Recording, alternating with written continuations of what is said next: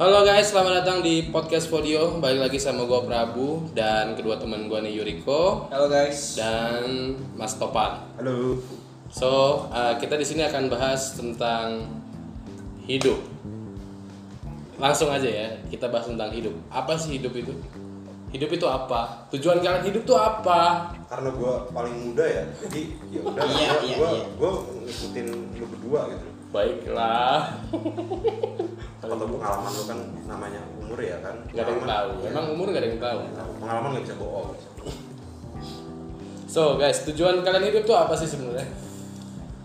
Eh, s- kalau gue ya, eh, gue nggak muluk-muluk sih. Hidup gue, tujuan gue, gue bisa berguna bagi orang lain, gue bisa membahagiakan orang yang gue sayang, dan gue bisa membagiin kedua orang tua gue itu, menurut gue itu hidup yang sangat berarti sih buat gue. Wih, standar ya, standar. Yes. Selama ini gimana? Hah? Udah ada yang tercapai apa? Untuk lu?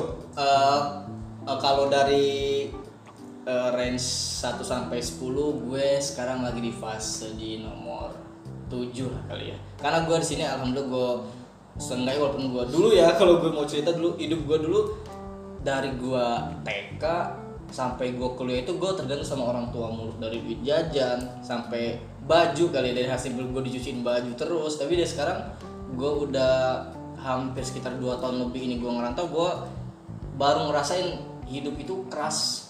Hidup itu keras cari uang keras juga. Jadi menurut gue untuk di fase ini gue udah uh, terbiasa dengan hidup uh, sendiri ya. Gitu sih. Bapak ngerantau dari mana memang? Uh, saya Palembang pak. Palembang. Tapi kalau di tempat gue itu masih sekitar lima jam lagi ke tempat gue itu. Jadi eh, emang ke sini ke Tangerang nih ke Iya, Jakarta ini mau- mau kerja, kerja apa? gue mau uh, apa menaruhkan hidup gue karena gue di fase gue main-main itu menurut gue udah uh, cukup. lah menurut gue kan udah cukup kan dari gue TK sampai gue kuliah gue dibiayain gue dikasih uang jajan terus kan. Jadi menurut gue gantian nih. Bukan sebenarnya kan orang tua nggak uh, meminta balasan apa pun kan. Biar anaknya udah bahagia udah bisa cari uang sendiri udah pasti seneng kan. Tapi kan di situ fase gue gue harus move on karena jujur gue kemarin terakhir eh, bulan Januari kemarin gue pulang dan temen gue seperti seperti itu aja pak. Jadi nggak ada perubahan atau buat maju ke depan gitu. Jadi Itu ya, Stuck, stuck. iya Stuck, stuck sana terus makanya dalam gue alhamdulillahnya apa yang gue pilih waktu itu pas. Karena gue cuman bu- gue butuh waktu itu tiga hari buat mikir. Gue apakah gue harus keluar dari kampung halaman gue karena dari jangankan gue mau ngerantau ceritanya. Gue dulu dari tamat sekolah SMP kan masuk ke, ke SMA yang favorit lah. Favorit lah dari di kota gue tapi di situ dia satu tahun harus asrama. Gue tiga hari langsung cabut. cabut karena gue nggak kuat dengan asrama terus nginep jauh orang tua gue juga sakit kan. Jadi gue setiap eh, udah kelar sekolah pulang gue ke rumah. Karena kebetulan deket kan dari sekolah yang karena memang diwajibkan buat asrama. Di situ aja gue nggak bisa gitu jauh orang tua kan. Tapi kalau gue pikir-pikir wah udah kuliah udah empat tahun gelar eh, maksud gue ilmu gue ini nggak guna gitu kan. Makanya kata gue gue putusin buat gue ngerantau gue pengen tahu juga kerasnya hidup itu seperti apa sih. Eh, apa keluarga lu pas tahu lu pengen ngerantau itu Enggak, mereka? enggak setuju. Nggak setuju. Enggak setuju itu gue butuh jangka waktu tiga hari itu buat ngeyakinin yang benar nak. Eh, udah cari kerja sini dulu aja. Sampai bapak gue tuh push buat masukin gue ke PNS, gue masukin ke polisi, pokoknya teman dia yang Kenapa? Lu salah apa dimasukin ke polisi? Iya gue kali. Ada salah kali kayak gitu, jadi pokoknya mencari alternatif. Jadi keluarga gue, bokap gue itu mencari alternatif supaya gue nggak ngerantau. Tapi alhasil baik lagi karena gue laki. Tapi gue sampai sekarang pegang prinsip bapak gue. Apa tuh? Kalau lu udah ngerantau, jangan lu balik kalau lu nggak dapet apa-apa. Kalau emang mau ngerantau, suksesin tapi sono. Lu balik, lu ada hasil. Kalau cuman tiga bulan, dua bulan ngerantau balik lagi, terus uang habis aja, apa-apa nggak apa. Gitu.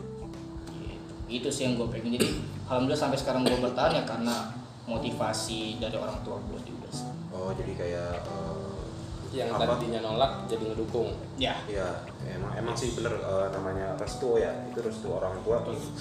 Selain support, orang tua apa dari orang tua kita juga butuh restu supaya kita dilancarin Iya. kalau menurut gua itu sih penting banget jadi sebenarnya apa namanya kalau lu ngelakuin sesuatu yang lu suka yang lu pengen lu cita-citain tapi nggak dapat restu dari orang tua itu Berat. ada aja Ada hambatannya aja, betul, pasti betul. ada hambatannya kalau menurut gua loh Nah, terus lu apa akhirnya ini apa namanya pas mau ke sini tuh lu udah udah dapat kerjaan apa Eh, gua email Udah. dulu deh. Oh. Jadi gua udah sempat email dulu, Oh. email di tempat kerjaan terus juga diundang juga interview sama. Karena gue mikir gini, gue juga punya eh, apa sih kalau bahasanya?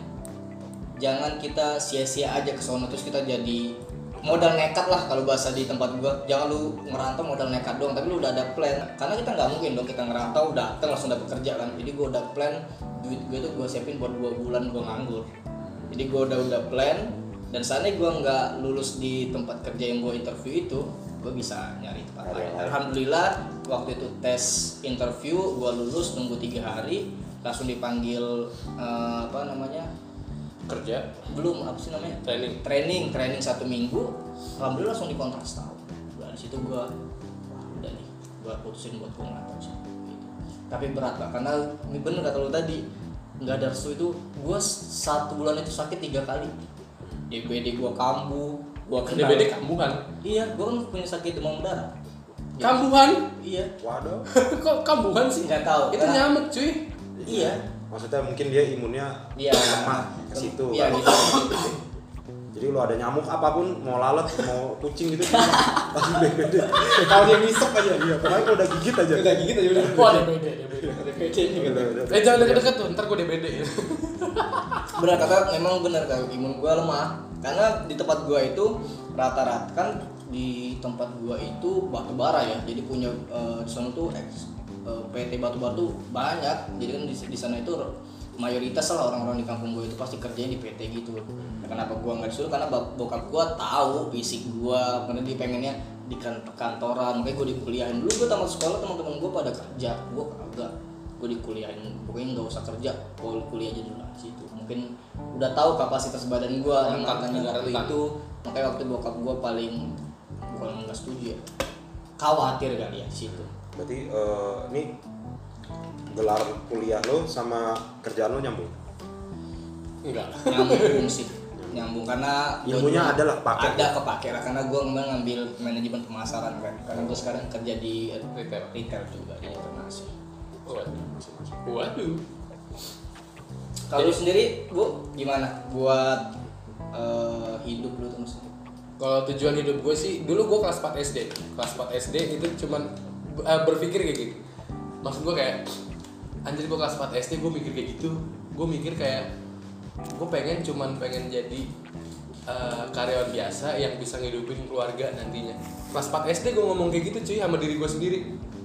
Lo udah pikiran itu semenjak dini lah istilahnya gitu Ah, ah, jadi kan karena mungkin karena ngeliat bapak gue dulu juga kerja kan pulang, terus gue juga seneng dengar suara bapak gue balik tuh dari sepatu tepak tepuk tepak tepuk, jadi kayak keren aja gitu kalau gue dulu. Tapi sekarang tetap tetap gue berpikir kayak gitu, cuman gue pengen eh, apa namanya membuat sesuatu yang berbeda gitu. Jadi kayak gue punya tujuan hidup tuh satu bahagian orang tua udah pasti, terus kedua ya bahagiin bahagiain diri gue sendiri. Gimana caranya? Gue gua ya gue kerja kebetulan bareng sama bapak Riko ini ya. Gue duluan tapi yang masuk.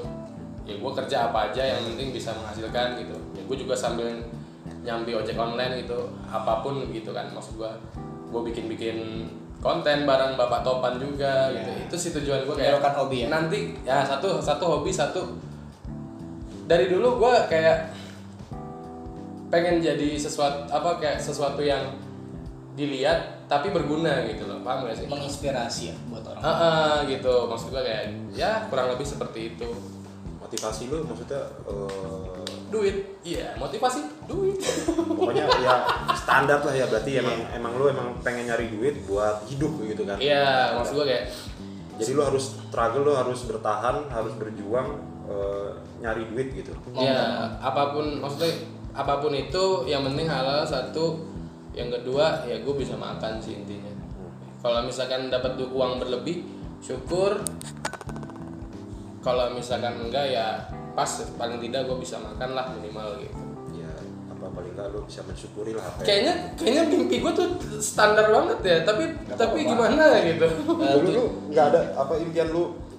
Lu pengen nyiptain sesuatu lah misalnya kayak eh, apa namanya? eh, cita-cita lu lah dari kecil dulu pengen jadi apa pasti tiap Uh, orang ada Iya ada. kalau gue cita-citanya itu sebenarnya pengen jadi apa ya mau ngomong public figure juga belum Eh, artis. Jadi cita-cita lu nggak harus ya gue pengen sih jadi artis gitu jadi yang gue lihat ya maksudnya kayak mereka tuh duitnya banyak gitu kayak youtuber youtuber atau bintang-bintang film kan gue seneng Dulu acting kecil dulu juga. lu. Udah mikir ke sana? dulu waktu udah udah maksudnya kayak makanya waktu SMP gue sama teman-teman gue jadi kayak seneng bikin video-video apa gitu. Maksudnya kayak ini aja gitu. Terus hobi gue tersalurkan di Instagram waktu 2015 bikin video gitu. Cuman ya kita nggak masukin ke YouTube lah karena kita masih nyari masa gitu.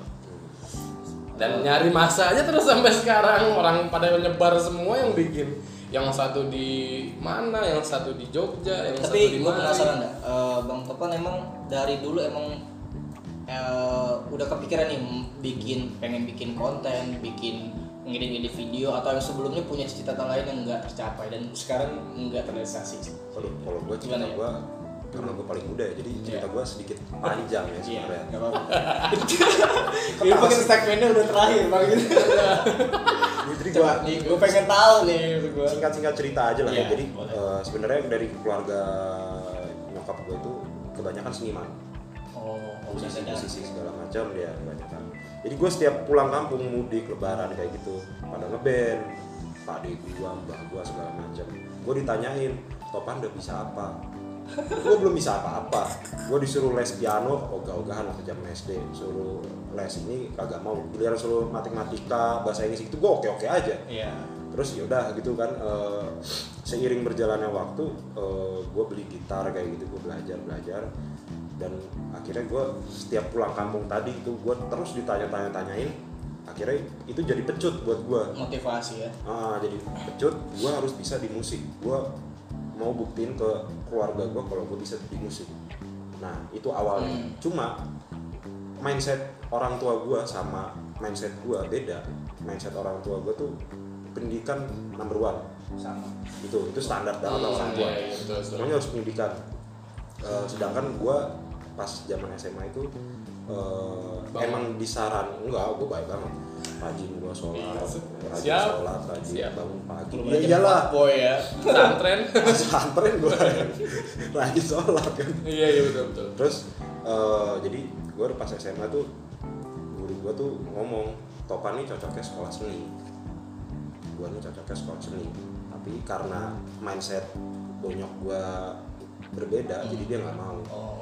di situ gue mulai disekolahin di universitas di Jogja lah ada negeri gue di situ juga tuh juga karena terpaksa gue jujur aja itu karena Hmm. terpaksa segala macam udah gitu di situ gue mulai ngeband ngeband ngeband ngeband ngeband gue nyari duit dari situ gue mulai ngerokok dari gue udah punya duit sendiri Bisa cari duit sendiri. gue SMA nggak ngerokok gue sama sekali gue nggak ngerokok karena emang gue belum punya duit dan emang di asrama susah iya nggak bisa Susah kan? susah iya betul Bos, kok nggak di toilet mah? Iya. jadi gue uh, uh, ngeband sana sini dapat duit akhirnya kuliah gue yang itu yang sesuai sama jalur pendidikan itu apa namanya uh, rada terbengkalai juga gitu. Nah gitu gue akhirnya memutuskan untuk berhenti secara formal. Maksudnya emang gue nulis surat berhenti lah gitu. Oh berarti nggak kelar? gue nggak kelar yang di kuliah yang negeri ini. Yang Resign. resign gue nggak kelar. Terus gue eh, apa namanya nyari sekolah yang bener-bener seni yang bisa nyalurin gue itu tuh bertolak belakang banget sama prinsip sama bokap nyokap gue tolak belakang terus jadinya selek gue nggak dapet restu. Makanya tadi gue bilang restu orang tua tuh penting.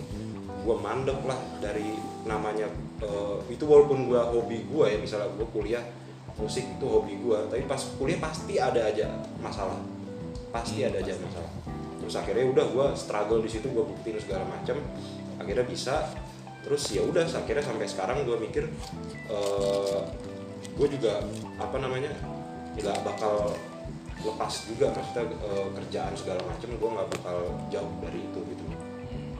Jadi ya makanya mungkin sampai sekarang akhirnya juga gue bikin konten dari YouTube dari mungkin podcast dan lain-lain gue tetap bikin musik ya segala macam tetap disalurin ya. gue gue salurin gitu kalau jadi ya kalau motivasi gue eh, hidup gue ya pertama jelas sebagai orang tua gue jelas apalagi gue tinggal nyokap gue doang kan gue tinggal nyokap gue doang gue cuma bisa bagai nyokap gue jadi eh, apa ya ya itu motivasi hidup gue jadi kalau apa-apa gue selalu minta restu minta restu minta restu kayak gitu Iya, iya bisa sih. Tapi kalau ngomongin masalah restu lucu, maksudnya kayak ya beda beda rumah, beda Beda pasti. beda orang Iya, tua. beda- maksudnya kayak beda- beda hidup. Gua gua ngerasa kayak dulu dulu gua pernah waktu SMA kayak teman gua ini nilainya nggak jauh beda sama gua.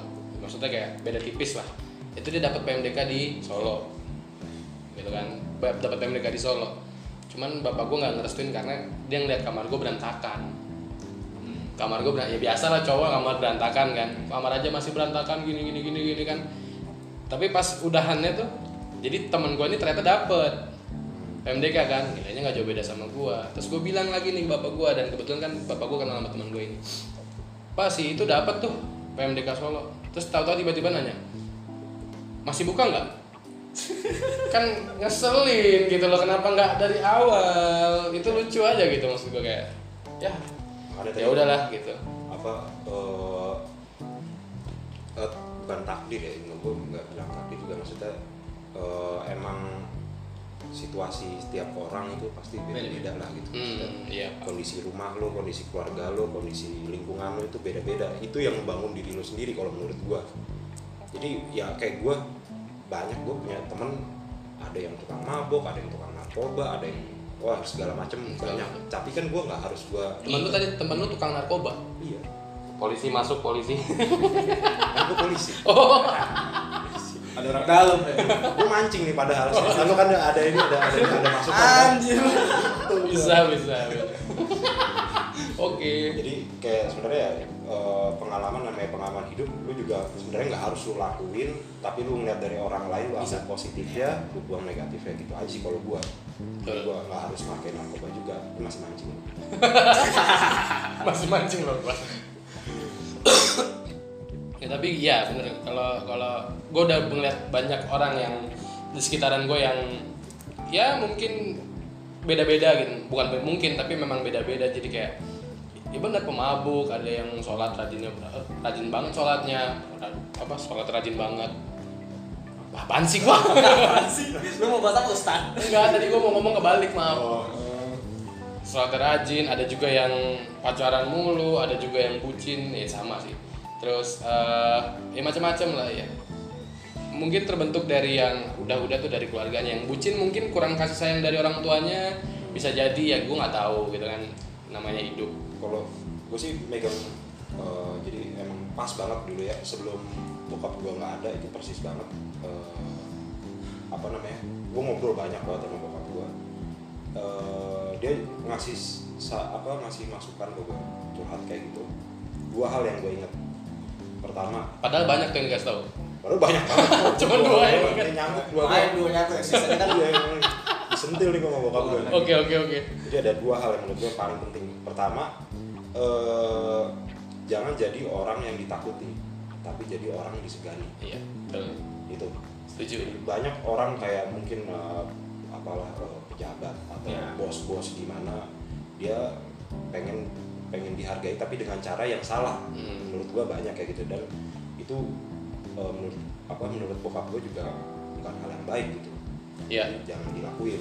Betul. bokap gue itu. Terus kedua apa pun yang terjadi hidup lo lo mau lagi susah lo mau lagi ada duit mau lagi nggak ada duit lo lagi banyak pikiran lagi nggak ada pikiran apa gimana. Nggak ada pikir iya itu. Jadi apa pun yang terjadi tetap lo harus berbuat baik tetap stay positif kalau kata bokap gue kayak gitu. Jadi eh, orang ngejelek-jelekin lu kayak gimana lu bodoh amat gitu. Iya. jangan lu ambil negatifnya tapi lu tetap lu harus berbuat baik sama musuh lu lah kasarnya kayak gitu. Itu yang gue ambil dari bokap gue jadi kayak gue bahkan ya bokap gue nggak ada bokap gue nggak ada pas eh, hari H itu gue nggak nangis. Karena karena gue udah puas-puasin gue nangis di Jogja udah kering bos.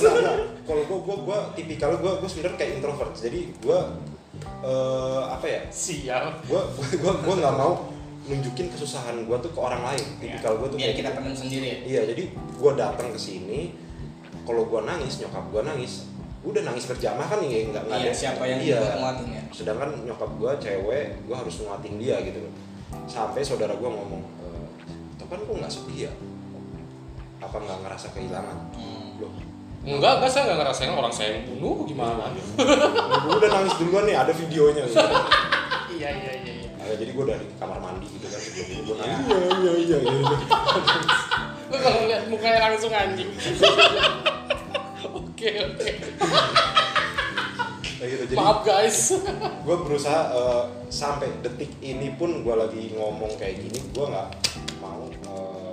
ngeluh di depan orang-orang gue nggak mau eh, apa namanya eh, ya susah-susahnya gue tuh gue nggak mau gue curhatin walaupun sering pokoknya gue berusaha nyebar eh, Kebaikan. kebahagiaan, iya, kebaikan, Anjay. kebahagiaan doang. Ya intinya Uje ya? eh, biarin yang Uje. susah itu kita sendiri yang ngerasain. Jangan sampai kesusahan kita itu dibagi sama teman-teman Iya. itu sih gue pengen Jadi sama. jadi kan banyak kan ya orang Ada. Misalnya lu lagi marahan sama cewek lu, terus di kerjaan lu jadi bad mood, lu jadi jadi Bawa- nggak bawa profesional, jadi ke, ke bawah gitu kan itu hal yang Nggak baik juga sih. Tapi bagi sebagian orang sih untuk memisahkan hal itu agak sulit sih. Maksudnya Susah, jadi kayak jadi kayak misalkan lu punya masalah di eh, di luar, lu lagi kerja, tiba-tiba lu kepikiran kan kita nggak tahu. Maksudnya kayak anjir ini nih belum kelar nih, ini nih belum kelar nih. Tapi gua harus tetap kerja gitu. Maksud gua kayak ada be- beberapa orang yang kesulitan dalam hal itu gitu. Jadinya bad mood kerja ke bawah-bawah, atasan jadi rese. Pasti. Biasanya itu dari luar tuh kata- kadang-kadang gitu. Nah itu kalau berdasarkan pengalaman gua yang paling muda ini, jadi apa namanya? Menurut gua Itu dia. itu menurut gua jadi eh, bukan yang nggak bisa ya, tapi susah. Lu harus ngelatih. Iya, gue kayak gini juga gue gua bisa kayak gini juga karena gue ngelatih dulu gue dulu aslinya orangnya emosian apa apa kalau misalnya nggak diturutin gue marah segala macam Iya. gue nggak bisa kayak gitu terus jadi gue harus eh, apa inspirasi sekali loh bapak ini. gue kayak memanage manage tapi bukan manage waktu manage emosi Emosi ya. Kontrol diri lu sendiri. kontrol kan, ya? diri jadi terus ini juga bokap gue juga sempet dulu tuh ngomong eh, emosimu tuh bakal jatuhin dirimu sendiri emosi itu dalam arti bukan marah tapi bisa sedih bisa bahagia lu terlalu sedih bisa jatuhin diri lu lu terlalu marah bisa jatuhin betul. diri lu lu terlalu bahagia lupa sama diri sendiri bisa jatuhin diri jadi menurut gue itu bisa kok lu bisa bisa bisa misahin asal lu mau belajar asal lu jangan ada yang namanya main block main block tuh dalam arti Menolak di pikiran lu nolak iya. gitu. jadi eh, alam bawah sadar lu juga secara nggak langsung nolak nolak nolak Iya. menurut gua itu ya bisa lah gitu Masya Allah. mana Tahu kan, Super sekali bapak ini. ya gua pengalaman gua sih gitu ya Masih muda. Ya, Yang masih muda. yang paling muda ya dari kita bertiga ya. Iya. iya.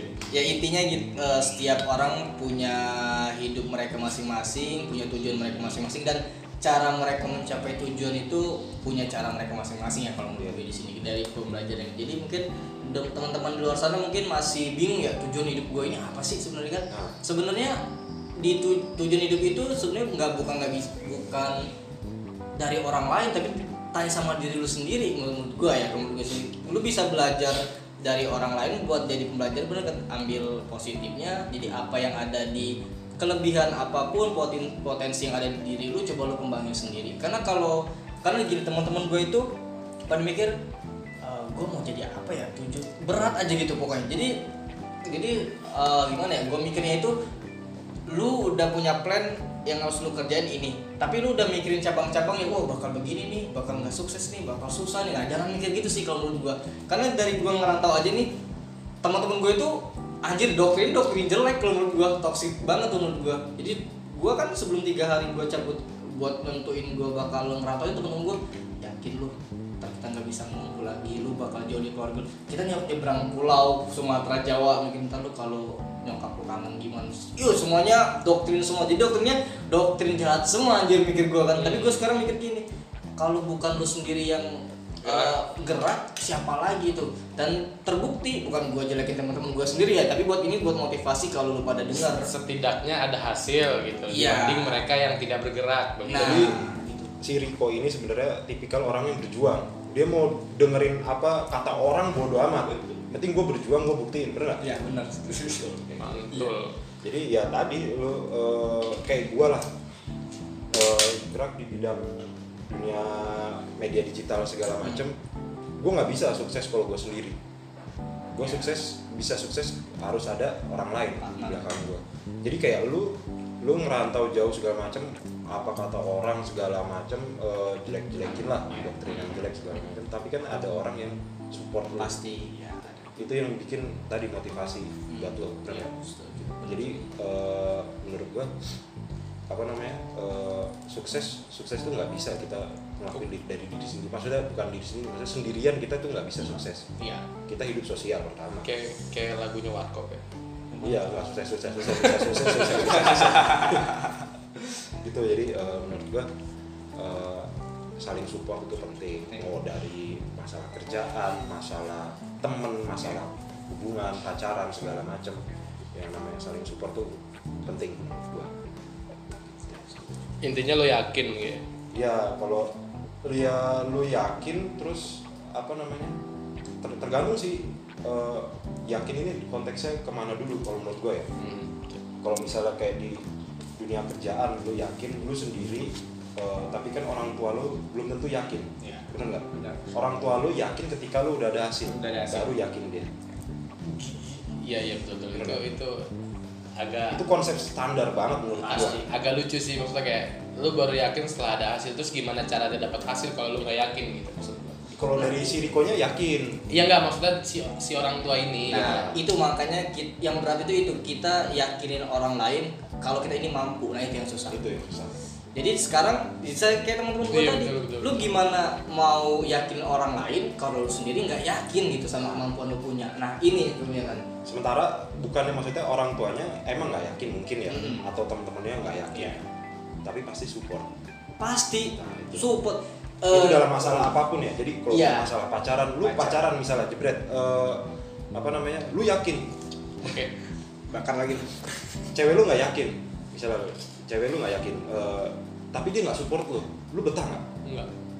bener kan Hmm. lu lu berusaha ngeyakinin kayak gimana pun juga tapi dia nggak support lu lu juga pasti bakal pikiran eh, apa Kan nggak ada yang dukung. gue nggak ada yang dukung gue berusaha tapi dia kayak gini-gini doang segala macem emang kalau kodratnya cewek kan emang yang apa ya lebih lebih lebih, lebih apa ya lebih diem lah Hmm. apa sih namanya itu Memendam. bukan mendam kayak cewek tuh kalau kan kalau cowok agresif Ah. kalau cewek kan nggak nggak agresif gitu.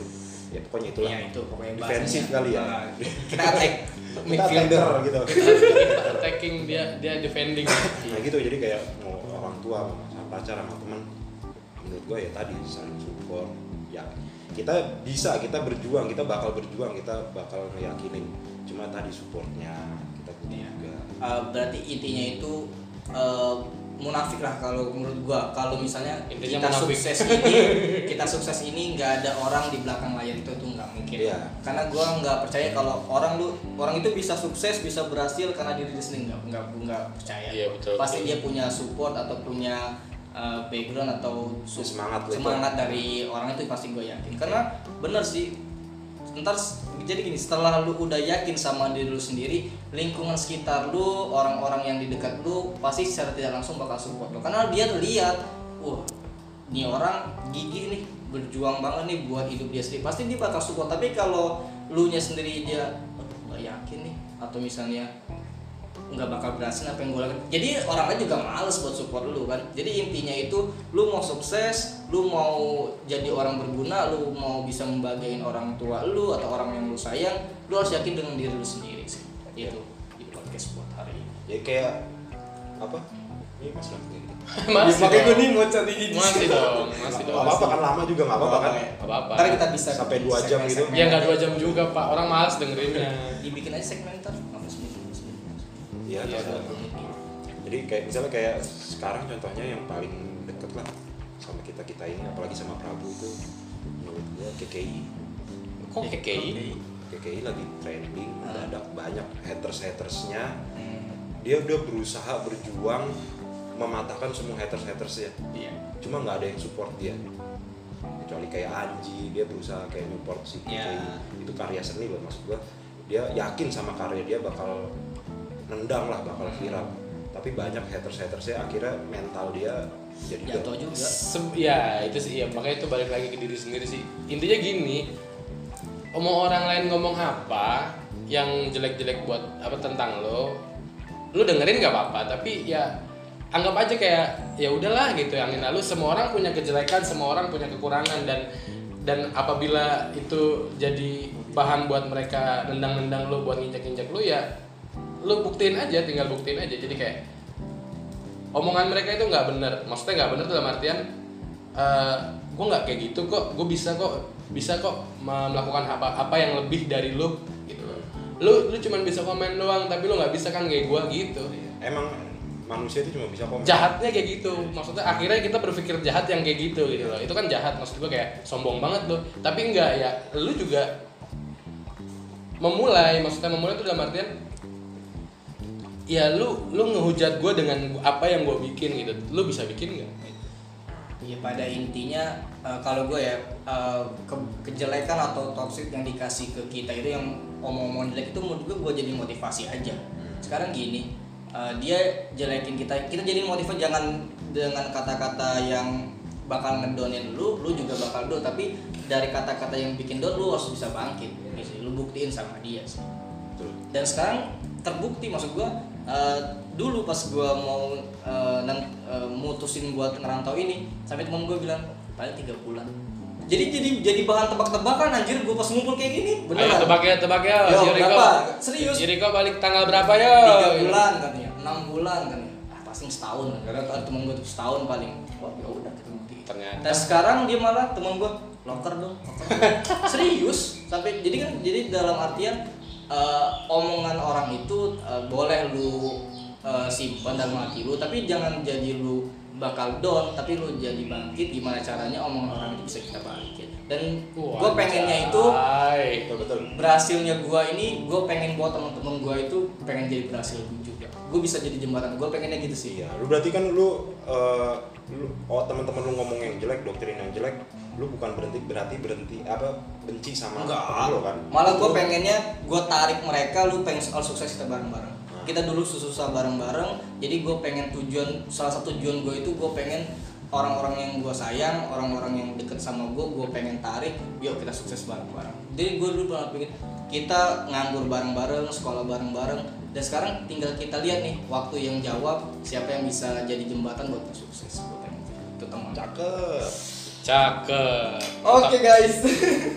Oke guys, segitu aja kita bahas hidupnya. Mungkin kalian punya banyak yang punya banyak cerita yang unik juga ya bisa sharing ke teman-teman kalian juga mungkin atau mungkin mau sharing ke kita bisa di Podio Kreatif, bisa juga follow IG-nya Yuriko apa Yuriko? At Yuriko 10.